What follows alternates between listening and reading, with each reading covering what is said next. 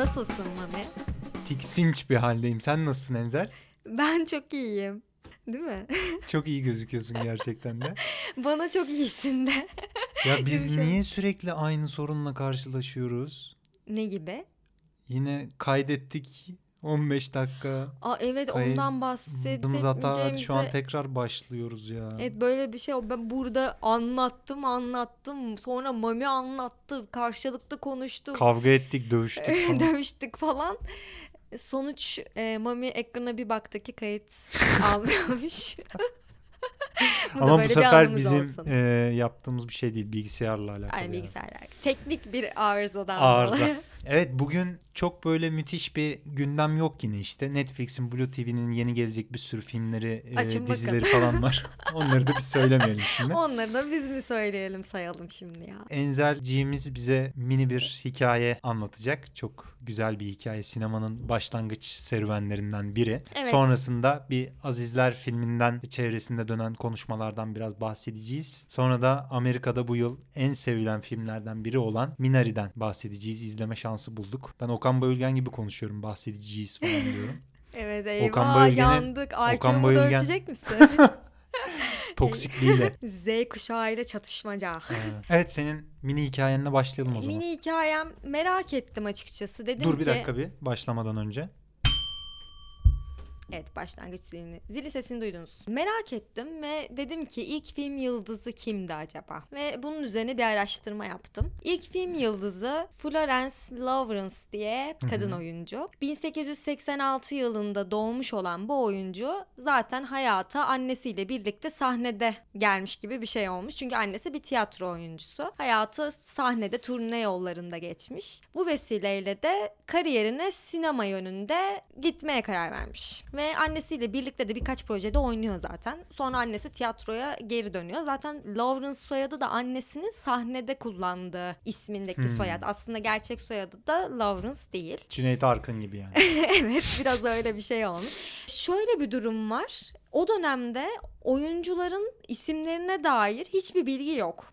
Yani bu oyuncular kimdir, ne yapar, nerede yaşar hiçbir bilgi yok zaten. Ha, bırakın onu ismine dair bile bir bilgi yok. Çünkü kredi diye bir şey yok filmlerde. Ama zaten filmler de böyle hani çok oyuncular üzerine kurulu anlatılar değiller o dönemde. Hani daha yeni Aynen. yeni Ya aslında sinema. 1900 onlardan bahsediyoruz. Evet, sinema hani daha 900. yeni yeni kendini buluyor yani. Hani hikaye anlatma araçlarını falan nasıl yapılabilir gibisinden. Çok küçük Aynen. minik şeylerle başlıyor aslında böyle e, temsil gibi. Sessiz ufak ufak. sinema dönemi. Nedeni şu aslında yapabilecekken hani böyle bir şey yani kredi olarak akabilecekken filmin sonunda ya da başında. O dönemde Edison Trust diye böyle sinemada kartel gibi takılan bir adam var. O izin vermiyor, yanaşmıyor bir türlü. Yani stüdyolara o kadar fazla mektup gidiyormuş ki hani bu oyuncunun adı ne, nerede yaşar, ne yapar falan böyle sayısız sonsuz mektup alıyorlarmış. Ama adam bir türlü bu bilgileri paylaşma taraftarı değil. Sebebi de şu. Eğer ben bu oyuncuların adını geçirirsem filmlerde oyuncular benden daha çok para ister. Yani daha çok duyuldum Hı hı. artık diye. Buna izin vermiyor. E, Florence Lawrence da biyograf stüdyolarında çalışıyor o ilk döneminde ve biyograf girl diye tanınıyor. Yani herkes onu adını bilmediği için bayağı da seviliyor. Hatta böyle şey bir işte köşe yazısında bir eleştirmen şey falan yazıyor hakkında. Hanımefendinin adını bilmiyoruz ama işte oynadığı rollerde öyle güzel duyguya giriyor ki hani hepimiz hissediyoruz onu falan diye. Hani eleştirmenlerin bile isimlerden haberi olmadığı bir dönem. Hı hı. Hani o kadar habersiz dönüyor her şey. Limmel diye bir stüdyo sahibi şeyi fark ediyor. Yani biz neden oyuncuların bu yıldız olma gücünü kullanmıyoruz? Ya çünkü bu bizim lehimize olabilecek bir şey. Bundan bence bir kar elde edebiliriz. Bence bunun üzerine gidelim diye düşünerek biyograf gör yani Florence Lawrence hakkında asparagas bir haber yaptırıyor bir gazeteye. Ve Sırf onu böyle ismini parlatmak için yani. ismini parlatmak ve direkt ismini geçirip kendi projesinde çalışacağına dair de hani sinyalleri vermek Hmm. adına şöyle bir haber yaptırıyor. Ee, biyograf göre tramvay çarptı ve öldü. Bayağı Ey ortalık haber. Ortalık karışıyor yani. Aa biyograf gör ölmüş biliyor musunuz falan diye kulaktan kulağa böyle yayılmış tüm ülkeye. Bunun üzerine sonra başka bir gazeteye kendi stüdyosunun reklamını hani paylaşarak işte bir yalanı daha ortaya çıkarttık. İşte biyograf gör öldü dediler ama hayır ölmedi. Biyograf gör Florence Lawrence bizimle birlikte bir sonraki projemizde çalışacak diye. Beyefendi ne kadar nasıl güzel bir iş ahlakıdır bu ya. Değil mi? Hatta şöyle bir şey yapıyor. 1910 yılında bu yeni projesinde Florence Lawrence oynuyor ve Missouri'de şey filmin gösterimini halka açık yapmaya karar veriyor. Duyuruyor hani oyuncu da gelecek Florence Hmm. Lawrence da gelecek diye. Tren garının orayı görmeliydin Mami demek istiyorum ama göremedim. Çok büyük bir- kalabalık. Nasıl Ben izlenimlerini anlatsana bize. Hissettim ya bir sürü yazı okudum ya ben o kalabalığı hissettim. İnanmıyorsun bana ama. yok yok değil. gerçekten aşırı bir kalabalık varmış ve birçok gazeteci, haberci de oradaymış. E, bir sürü yazı var hatta şey falan yazmışlar. En son bu kadar kalabalık başkanın geldiğinde görmüştük tren garında diye. Öyle bir kalabalık olmuş. Hatta şey Florence Lawrence bildiğin ilgiden bayılacakmış. Şok geçirmiş. Bir gazeteyle röportaj vermiş. Ben bu kadar ilgi göreceğimi asla tahmin etmiyordum. Hani tanımadıkları sadece resimde, filmde gördükleri bir insan için akın akın gara geleceklerini nereden bilebilirdim? Çok garip değil mi sizce de falan Evet, gibilerinden. Keşke şu anını görebilseydi. Ya gerçekten o an işte bir yıldızın doğduğuna tanıklık etmiş kendisi. Hani bir yıldız olarak doğmuş ama bunu farkında değilmiş. Nitekim işler her zaman onun için yolunda gitmemiş Bu maalesef. starlık dönemi bir tepe taklak Aynen. dönüşle beraber. Ama o tepe taklak olana kadar gerçekten bağımsız olarak kendi film stüdyosunu, yapım şirketini kuruyor. Hatta Amerika'da ilk kadın yapım şirketi sahibi ünvanını kazanıyor. Aynı zamanda kendisi mucit bir yanı da var. Mucit mi? Şöyle otomatik sinyal kolu ve fren sinyalini otomobil için. Nasıl ya? Evet icat ediyor kendisi ama hiçbir zaman patentini almamış. Ah hanımefendi. Aynen bunun üzerine hiçbir maddi kazanç da elde etmemiş. Ama tarihe geçmiş bu bilgi. Birçok kaynakta açtığın zaman bu bilgiye ulaşabiliyorsun. Mühendis miymiş aynı zamanda yani? Annesi de böyle biliyor musun? Annesi de birkaç bir şey icat etmiş. O da Allah silecekle ilgili bir şey olması lazım. Yine otomobil sektörüne ilişkin. İlginç. Tabii dediğim gibi böyle her zaman günlük güneşlik bir hayat yaşamamış. Üç tane başarısız evliliği olmuş zaten. Ve yanlış hatırlamıyorsam 1916 yılında da kaza geçiriyor bir yangın sahnesi çekilirken ve çenesinin altına çok büyük bir yara açılıyor. Bu yara aldığı dönemden sonra bayağı yatalak oluyor yani yatağa bağlı yatmak zorunda kalıyor uzun süre. Tabii o dönemde Charlie Chaplin'ler falan çıkıyor ortaya onların yıldızı parlıyor. Geride kalıyor Florence Lawrence o kadar biyograf gör olarak parlamış biri olmasına rağmen. Tekrar sahneye dönmek istiyor stüdyolara ancak istediği başarıyı elde edemiyor. Yine kredisiz yani anonim oyuncu şeklinde devam ediyor kendisi. Hatta figüran olduğu bir dönem var. Şey diye açıklamışlar. Psikolojik yaraları çenesinin altındaki yaralardan çok daha derinleşmişti artık. Hani psikolojisi de çok bozulmuş. Depresyona girmiş. Zaten bir kemik iliği hastalığına da yakalanıyor. Yani çekmediği dert kalmıyor o yıldız olduktan sonraki dönemde ve 1938 yılında da öksürük şurubuyla karınca zehrini karıştırıp içiyor. Daha arkasında da şöyle bir not bırakıyor. Hani yoruldum umarım bu işe yarar diye ve ölüyor kendisi. Sonra Hollywood'da bir mezarlığa gömüyorlar. 1991 yılında mezar taşı yaptırılıyor hatta ilk film yıldızı diye. O zamana kadar öyle bir mezar taşı da yok. Yani bir köşede kalmış biri olarak herhangi bir ölü gibi. Böyle benim çok ilgimi çekti bu hikaye. Hatta bunun hakkında bir yazı yazıyorum. Helal Onu olsun. da valla. ilerleyen zamanlarda paylaşacağız. Güzel hikaye ama. Evet. Hanımefendinin ruhunu da buradan şad etmiş olalım. Olalım. Florence'çiğimizin hayatından azizlere zıplatıyorum seni. Zıplat. Zıpladım. Azizler. Evet herkes Azizler- konuştu zaten Ha, Azizler konuşuldu. hakkında. İzleyen- Konuşmayan kalmadı. İzlemiştir. Zaten bir buçuk saatlik film yani. Filmin üzerinden böyle konuşup filmi eleştirmek falan yazılar bir ton yazıl. Biraz bunlara bakmayalım da şeye bakalım istiyorum. Bu filmin tartışılma düzlemini biraz irdeleyelim mi? Evet biz de kendi aramızda zaten filmi tartışmak yerine film hakkında söylenenler üzerine tartıştık seninle de hani daha çok. Çünkü Evet. filmi belli bir yerden sonra artık tartışmaya gerek kalmadı. Hı hı. Sen bir yazı yazdın zaten. Bize duygularımızı, düşüncelerimize tercüman oldun Yok yazınla. canım ben Ya benim öyle dışımda öyle. da şu an mesela Esen Tan yazdı Film Lovers'ta. Selin Gürel yazdı altyazıda. Bunları çok beğendim. Sonra Duvarda bir tane yazı çıktı. Ondan sonra bir Aslı günde... Iğdır bir Twitter flood Evet, mini review'lar yazdı. zaten bir sürü yazan böyle sinema sevdalısı insan var yani. Filmin etrafında söylenen konuşulan ve filmin kendisinin de aslında yol açtığı iki konu var benim ilgimi çeken. Bunların birincisi şey filmin savunuluş şekli.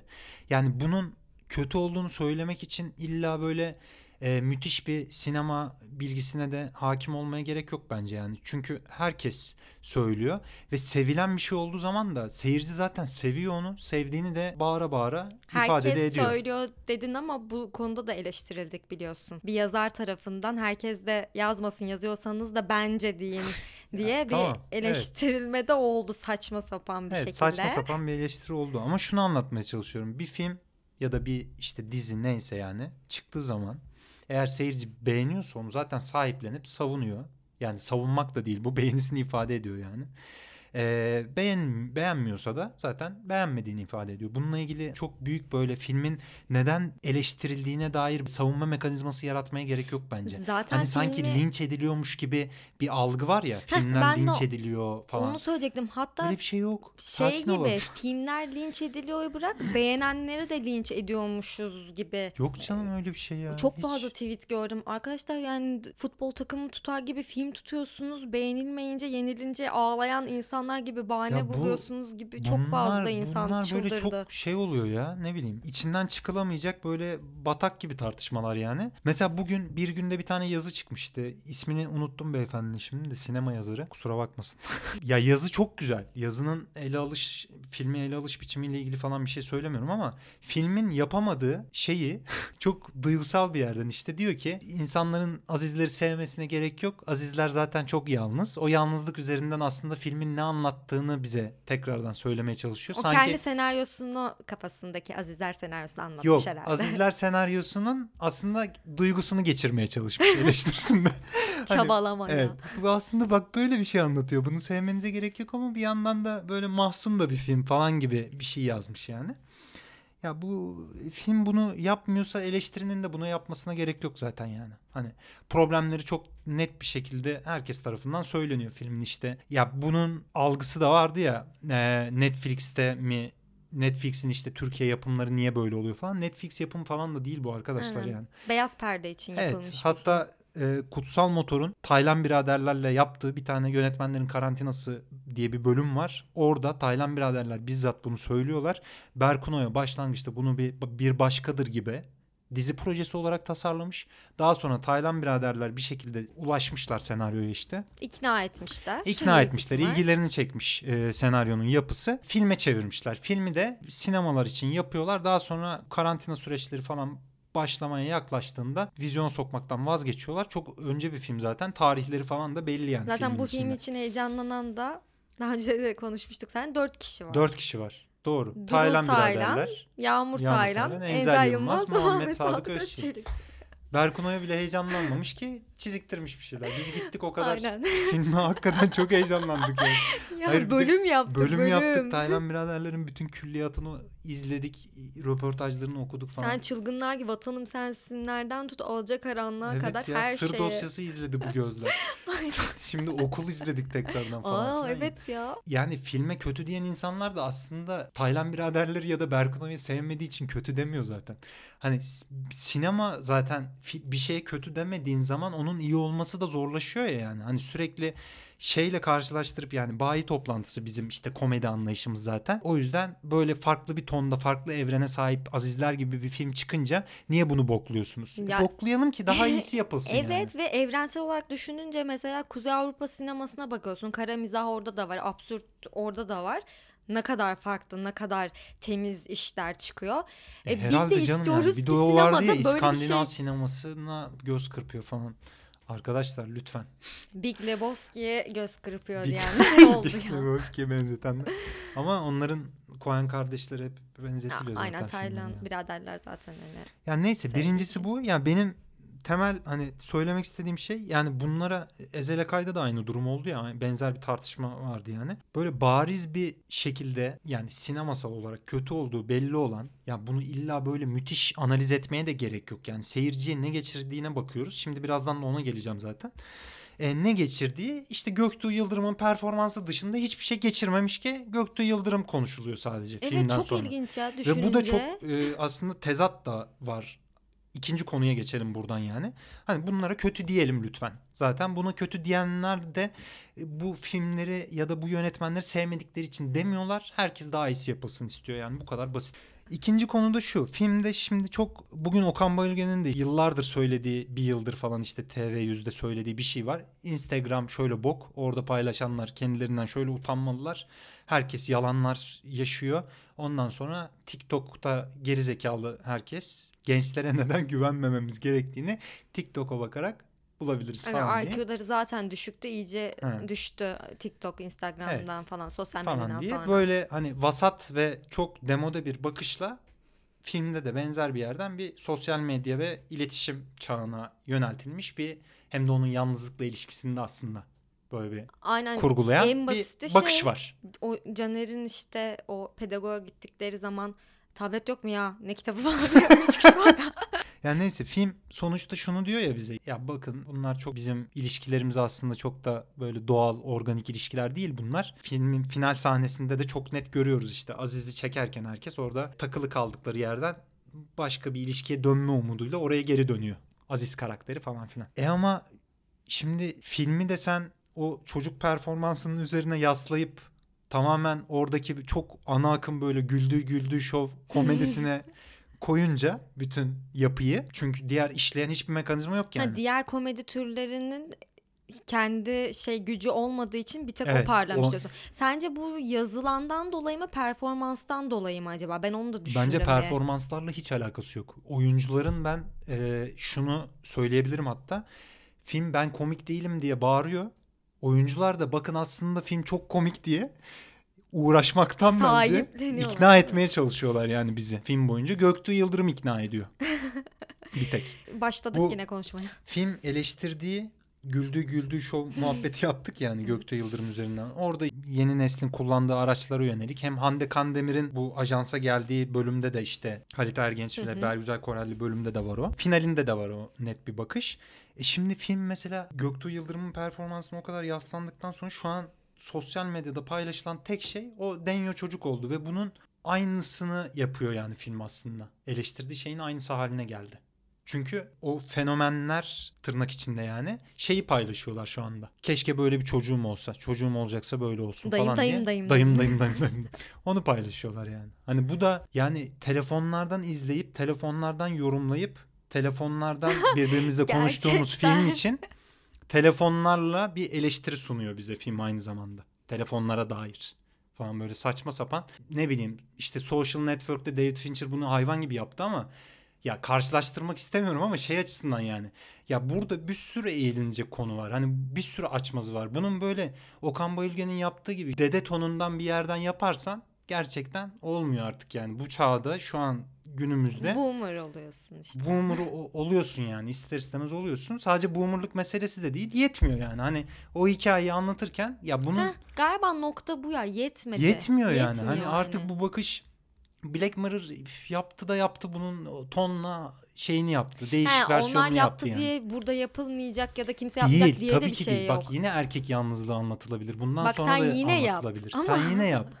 Ama biz beğenmeyiz olan gibi. Hayır öyle bir şey demiyorum. Yine erkek Şaka hikayesi yapıyorum. anlatılmayacak mı? Mesela bu yıl dünya çapında işte kadın hikayelerinde bir patlama yaşandı. Kadın yönetmenler de kadın oyuncular da çok müthiş performanslar sergilediler. Gerçekten çok iyi işler yani. çıktı ama. İşte bütün listelere de bütün muhtemelen Oscar'lı Golden Globe'a da damgalarını vuracaklar yani bu Ay sene. hadi inşallah. İnşallah yani.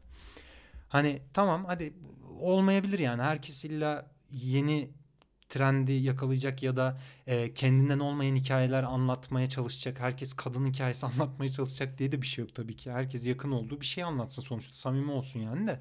Hani yeni bir bakış olmadığı zaman işte böyle hem ne geçirdiği duygudan ya da rasyonel olarak üzerine düşündüğümüzde filmin yani böyle vasat bir anlatı kalıyor yani her yönden. Aynen ya senaryo çok sıkıntılı. Direkt ben yani toparlayacaksak eğer genel bir şey söylemek istiyorum. Senaryo çok sıkıntılı. Bence rejide de sıkıntı var. Kurguda sıkıntı var. Anlattığı şeyler üzerinde Ben de. müzikle ses tasarımını çok sevdim filmin bu arada müzikleriyle. müzik ve ses tasarımı iyi ama ne kadar Caner karakterine hani dayanıyor diyorsun ya. Oraya da çok için. dayanıyor. Ya Gerçekten Müzikle de duygu taşımış vermeye yani filmi taşımış. çok fazla gidilmiş hani. Doğru katılıyorum buna. O da sıkıntılı bence. O Ya en azından Letterboxd'da iki yıldız verdim ben. ben iki buçuk verdim yine o kadar Ben iki yıldız verdim. buna. iki kadar da düşünmüyorum yani. Biraz daha hakkını vermek lazım. Diyelim azizler konumuzu burada kapatalım. Aynen istersen bir sonraki filmimize geçelim. Minari diyelim. Bastım.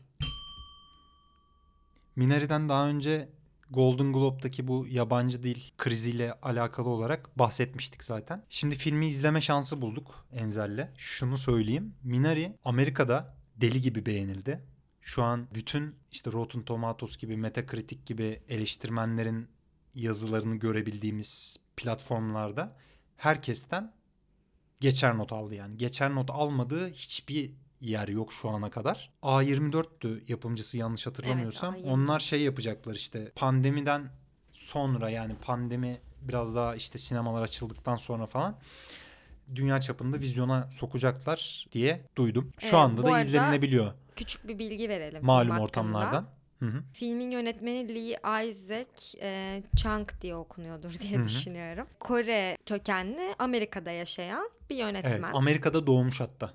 Amerika'dan zaten Ailesi ama işte Kore Savaşı'ndan sonra Amerika'ya göçen o filmde de buna değiniliyor zaten. Böyle kitlelerce göçen göçmenlerden Aynen. ikisi. filmde Kore kökenli bir ailenin Amerika kırsalında e, kendine bir hayat kurma hikayesi üzerine. Evet. Ee, hem asimilasyona böyle bakıyor hem de Reagan dönemine bakıyor 80'lerdeki. O dönemde fırsat eşitliği aslında nasıl işliyor farklı kökenler için ve nasıl Amerika rüyası ne demek? Biraz onları böyle irdeliyor. O mitlerin altına uyuyor ve bunu da çok tatlı ve aslında etkileyici böyle sarsıcı bir yerden yapıyor yani duygusal olarak. Yani filmin daha ilk girişinde zaten şeyi görüyorsun.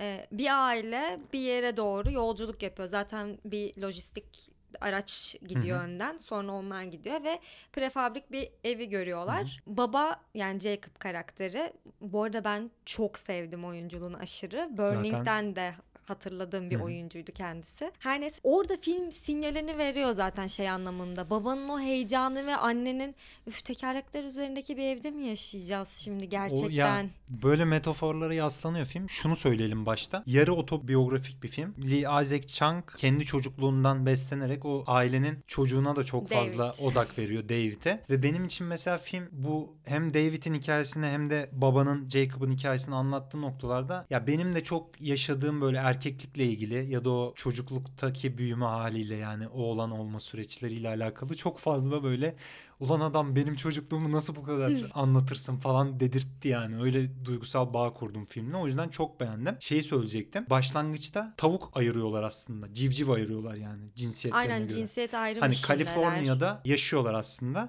Erkek tavuklar yumurtlayamadıkları için onları ayırıyorlar. Sadece dişi tavuklar kalıyor geriye. Böyle bir iş yapıyorlar. Bu döngüden kurtulup Jacob yeni bir hayata başlamak istiyor. Bunun için de bir araziye tekerlek Arkansas'ta. üzerindeki karavan misali bir evi satın alıyor. Sonra ailesiyle beraber oraya gidiyorlar. Ve orada kendine bir çiftlik kurup Kore'de yetişen sebze ve meyveleri yetiştirmek Evet. istiyor ve oradaki Koreli ailelere satmak istiyor. Evet. Ya bu da mesela çok iyi. Çok güzel bir metafor yani. Hani Hani biz hem- oraya kök salabilecek miyiz o toprağa falan gibi bir evet yerden. ve hani filmde benim en çok sevdiğim nokta şu oldu. Bir yerde yabancı olmayı, oradan farklı olmayı hiçbir şekilde öteki olarak anlatmamış. Yani gerçekten şey gibi anlatmış. Ne denir? Yani bir hayat kurma çabası. Evet.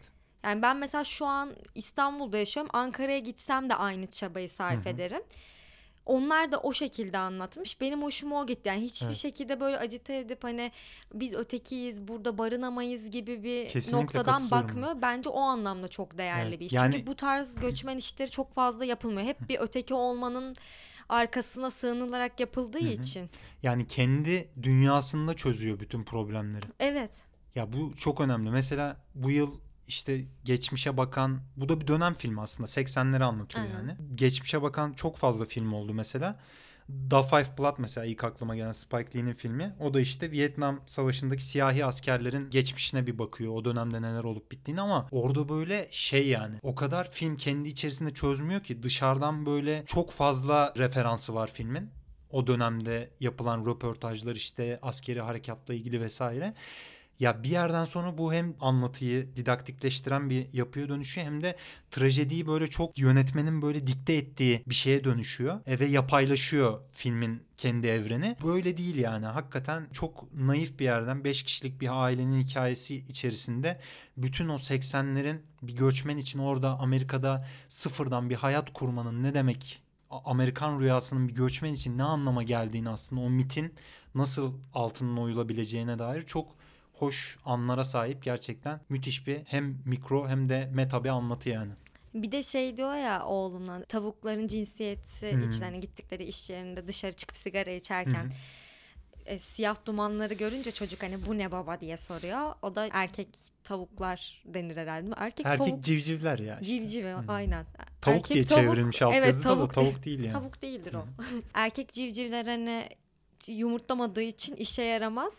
Ama biz daha işe Etleri de etleri de çok güzel olmaz. güzel olmaz ama biz daha işe yarar olacağız diye böyle kafa Hmm. kafaya verip birbirlerine söz veriyormuş gibi Evet. durdukları Ben sahne o- çok güçlü O sahneden mesela. çok etkilendim zaten. Filmde biraz onun üstüne kurulu. Hem babanın hikayesine çok yoğunlaşıyor hem de David'in hikayesine. Zaten yarı otobiyografik olduğu için buradan da çok samimi bir anlatısı var bence yani. Hani yönetmen kendi çocukluğu ve kendi babasıyla kurduğu ilişki daha çok odaklanmış. Ve şey erkek hikayesi olmasına rağmen böyle erkek egemen bir toplum ve erkek egemen bir aileymiş gibi hissettirmiyor. Çünkü kadın karakter evde gayet hani sözü geçen hakim bir Kesinlikle. kadın karakter anne. Hem de şey de o erkeklikle ilgili sorunları da tiye alıp böyle güzel bir mizahı da var aslında. Çok tatlı bir. Uzun bir süresini böyle gülümseyerek takip ettim zaten filmin yani. Hatta şey e, bu erkeklik hikayesi deyince anneanne karakteri de mesela Evet. beklenen bir anneanne karakteri değil ya hatta kendisi de söylüyor siz anneanne deyince yemek yapan temizlik yapan her şeyi çekip çeviren biri bekliyordunuz ama ben öyle bir anneanne değilim diyor. Ya yani oradan da hani kadın erkek ilişkisi üzerinden film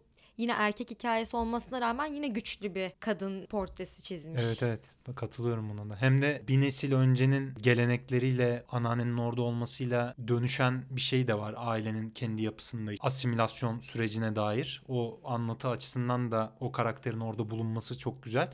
Minari de şey demekmiş zaten filmde de görüyoruz onu. Bir maydanoz çeşidi aslında Asya'da yetişen. Söylemeyelim yani zaten. Bu maydanozun nasıl yetiştirildiğine dair böyle ufak bir anlatısı da var filmin. Bu metafor üzerinden bahsettiğimiz tarım üzerinden. Ee, sadece işte finalinde babaannenin yaptığı bir sakarlık üzerine kurulu bir trajedi yaşanıyor. Bunlar biraz büyük geldi bana o kısımdan Evet o sonrası. kısım birazcık hani olmasa daha iyi Yine- olurmuş dedirttiriyor. Evet. Asya sinemasına göz kırpan böyle bir Orada film bir anda hani şey diyorlardı ya yabancı film değil diye. Hı hı. Orada bir Kore sinemasına göz kırpmış. Evet. Amerika'ya sırtını ya biraz fazla diyebiliriz. büyük geldi yani hani trajedi açısından. Çok tatlı bir tonu, tonu vardı. Böyle o ailenin yaşadığı aslında zorlukları David'e odaklanarak onun kendi şeker haliyle ikili bir yapı kurup dengeli bir şekilde götürüyordu aslında. Sonra oradan sonra biraz daha böyle bir şey oldu. Nasıl diyeyim? Ya bu kadarı da olmaz mı acaba dedirtti ama yine de benim gerçekten çok sevdiğim bir film oldu. Hatta şöyle söyleyeyim. Sound of Metal işte Never Rarely, Sometimes Always ve Nomadland'la birlikte hani izlerken en çok duygu yaşatan filmlerden biri diyebilirim. Bu üçüyle beraber bu Evet yıl için. insanı bir an böyle minnoş yapan bir yanı Evet. var gerçekten. Ve film yabancı film tartışmasını daha önce bahsetmiştik yani bu şimdi de bir- birkaç kere geçti lafı. Bence film gayet Amerika filmi. Hani bana hiçbir Kore filmi gibi Kesinlikle öyle. böyle Koreli olma, Kore ya o tarz bir şey yok hani altı çizili bir yanı yokmuş. Ya tabii ki var hani birçok noktada hani şimdi böyle söyleyince de sanki hiç izleyen için beklentide hiç Koreli olmanın derdi tasası ya da işte Koreli olmaya dair bir şey yok gibi de algılanmasın da. Ama filmin anlatmak istediği şey o değil yani. Orada Evet, evet. Koreli değil de İtalyan olsa da aynı şekilde anlatılacaktı belki de. Evet. Hani öyle hissettirdi Hı. bana. Güzel yani eğer fırsatı olanlar olurlarsa izlesinler. Şu an galiba ama şey Türkçe altyazısı Yok. yoktu. Evet. ama illaki gelecek. Yani şimdi Golden Globe da Şubat'ta geleceği için Hı hı. onun öncesinde illaki çevrilmiş olur diye düşünüyorum. Diyelim yine gömmelerimiz ve övmelerimizle dolu bir programımızı kapatalım mı? Kapatalım. Konuşamadım. Niye böyle kapatamadık? Bilmiyorum. Sen demek ki daha konuşasın var büyük bir Evet ya kapatmaya. yeni bay- ne çabuk bitti bu bölüm. Değil mi? Ben anlamadım Ben ya. de anlamadım. Hemen girdik. Tadı çat- damağımızda kaldı ya. Tadı damağımızda kaldı. Görüşürüz. Görüşürüz. Haftaya. Ay basamadım. Bastım. Bugamundi sundu.